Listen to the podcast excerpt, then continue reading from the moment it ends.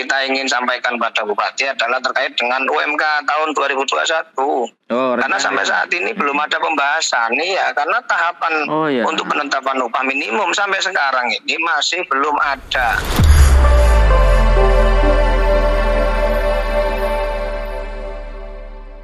Ya. Assalamualaikum Pak Soleh. Waalaikumsalam. Ya, Lagi live saya ini. Jandoman. ya, ya, Ya, eh, ya siap, siap. hari ini lagi ke kantor pendopo bupati ya. Ini dalam rangka apa ini teman-teman dari Ya. KSBI ya? KSBI atau teman-teman Ya, buruh ini- serikat yang lain? Ya semua semua lian, semua serikat pekerja serikat buruh di Kabupaten Pasuruan. Hmm, hmm, hmm. Dalam rangka apa ini ya? Kita menghadap bupati.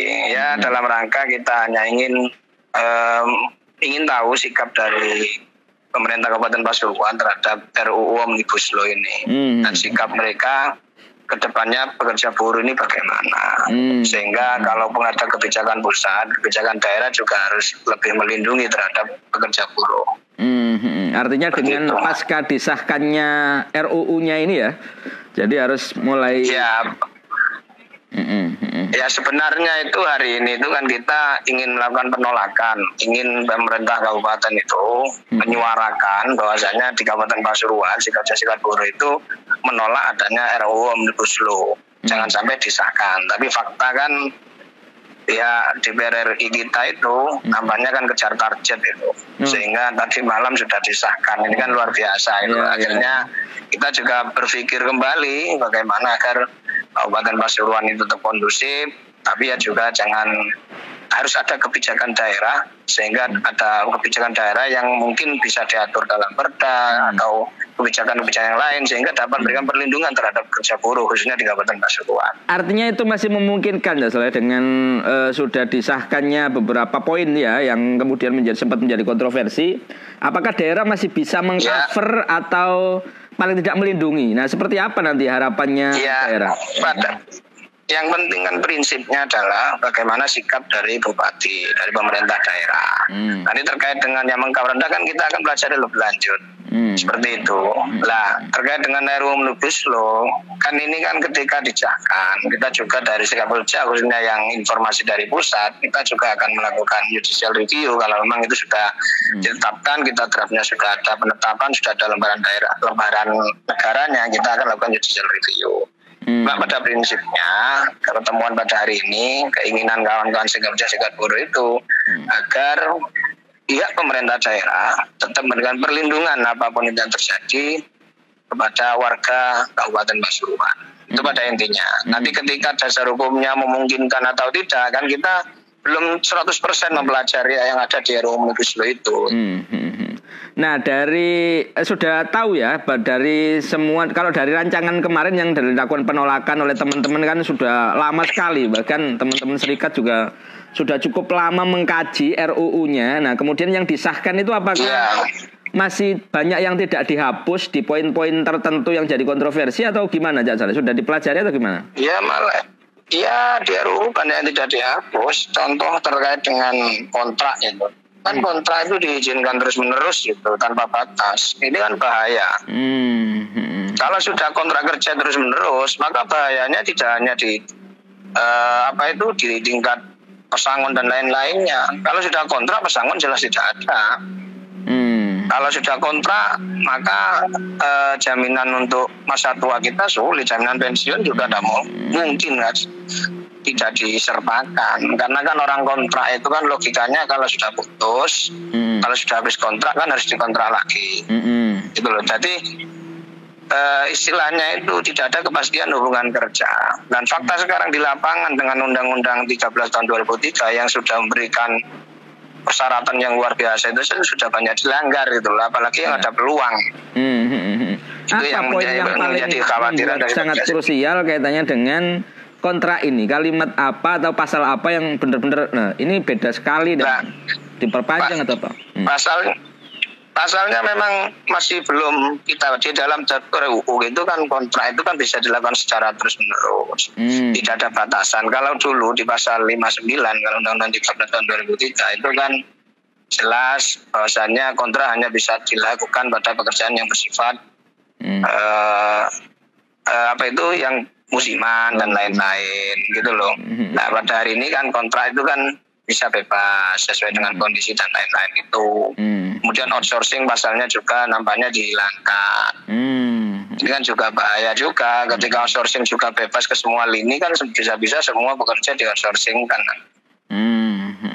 Ini ini ini yang menjadi ketimbangan kami lah. Kalau kontrak terus menerus itu kontrak tanpa batas itu benar-benar dilaksanakan, maka ya seperti yang terjadi pada fakta di lapangan itu ketika pekerja kontrak itu tidak tidak akan berani menyuarakan Hmm. apa yang menjadi keinginannya ketika dia menyuarakan sesuatu yang mungkin ada pelanggaran Hmm. ada sesuatu yang diminta Hmm. maka logikanya perusahaan tidak akan mau ribet Hmm. gitu loh Hmm. Hmm. maka mereka ketika habis kontraknya maka mereka akan tidak diperpanjang lagi kemudian resiko juga kepada serikat pekerja serikat buruh kalau mereka bekerja kontrak mau ikut serikat juga akan berpikir ulang Hmm. Hmm. Hmm. Nah, sehingga lambat semakin lama semakin habis pekerja anggota serikat.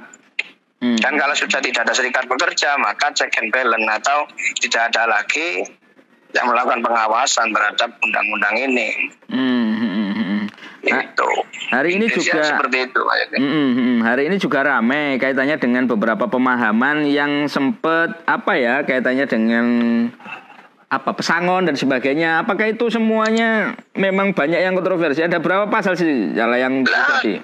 kalau kalau pesangon ada tujuh hal, kalau pasalnya kan saya tidak secara rinci. Ya, karena gitu loh. Memang kan draft itu baru di yang RUU yang ditetapkan kemarin itu kan baru kita baru dapat baru kita terima draftnya, tapi hal-hal yang mana kan masih belum terinci. Cuma isu-isu yang sudah kami sampaikan, yang disampaikan oleh organisasi itu tampaknya masih belum dirubah oleh pihak DPR. Kita kan juga mengikuti di TV parlemen itu, gitu loh. Hmm, hmm, hmm, hmm, hmm, Gitu loh.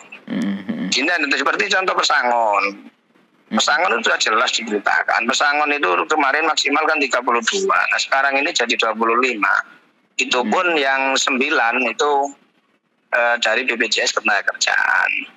Hmm, hmm. Nah sekarang orang-orang yang mau pensiun juga agak gemetar juga yang sudah masa kerja 24 tahun, sudah waktunya pensiun. Kemarin bayangannya itu dapat 32 upah. Ya. Nah sekarang hanya 25 upah itu kan belum ada kepastian juga. Hmm, hmm, hmm, karena tanggungan perusahaan kan yang disampaikan dalam berita sudah begitu ramai diberitakan itu kan hanya 19 atau 17 tanggungan perusahaan. Hmm, Untuk lainnya kan BPJS Ketenagakerjaan yang menanggung hmm. melalui jaminan pasca apa itu pasca kerja atau apa namanya itu. Hmm, hmm, hmm, hmm. Nah, Cale, mungkin Seperti ada itu. saran lah dari teman-teman serikat kan sehari ini ya hari ini ya detik ini juga lagi bertemu rencana bertemu dengan eh, bupati dan sebagainya atau eh, SKP Iya. terkait. Nah, paling pointing yang paling di- ingin disampaikan lah paling dasar atau disarankan itu apa selain melindungi itu lindungannya kayak apa misalnya secara teknis Loh aku terus ulapo lah misalnya Maksudnya? Gini, yang hari ini kita karena memang RUU Omnibus Law kan sudah disahkan. ya mm, Ya, paling tidak kita ingin sikap kabupaten gimana.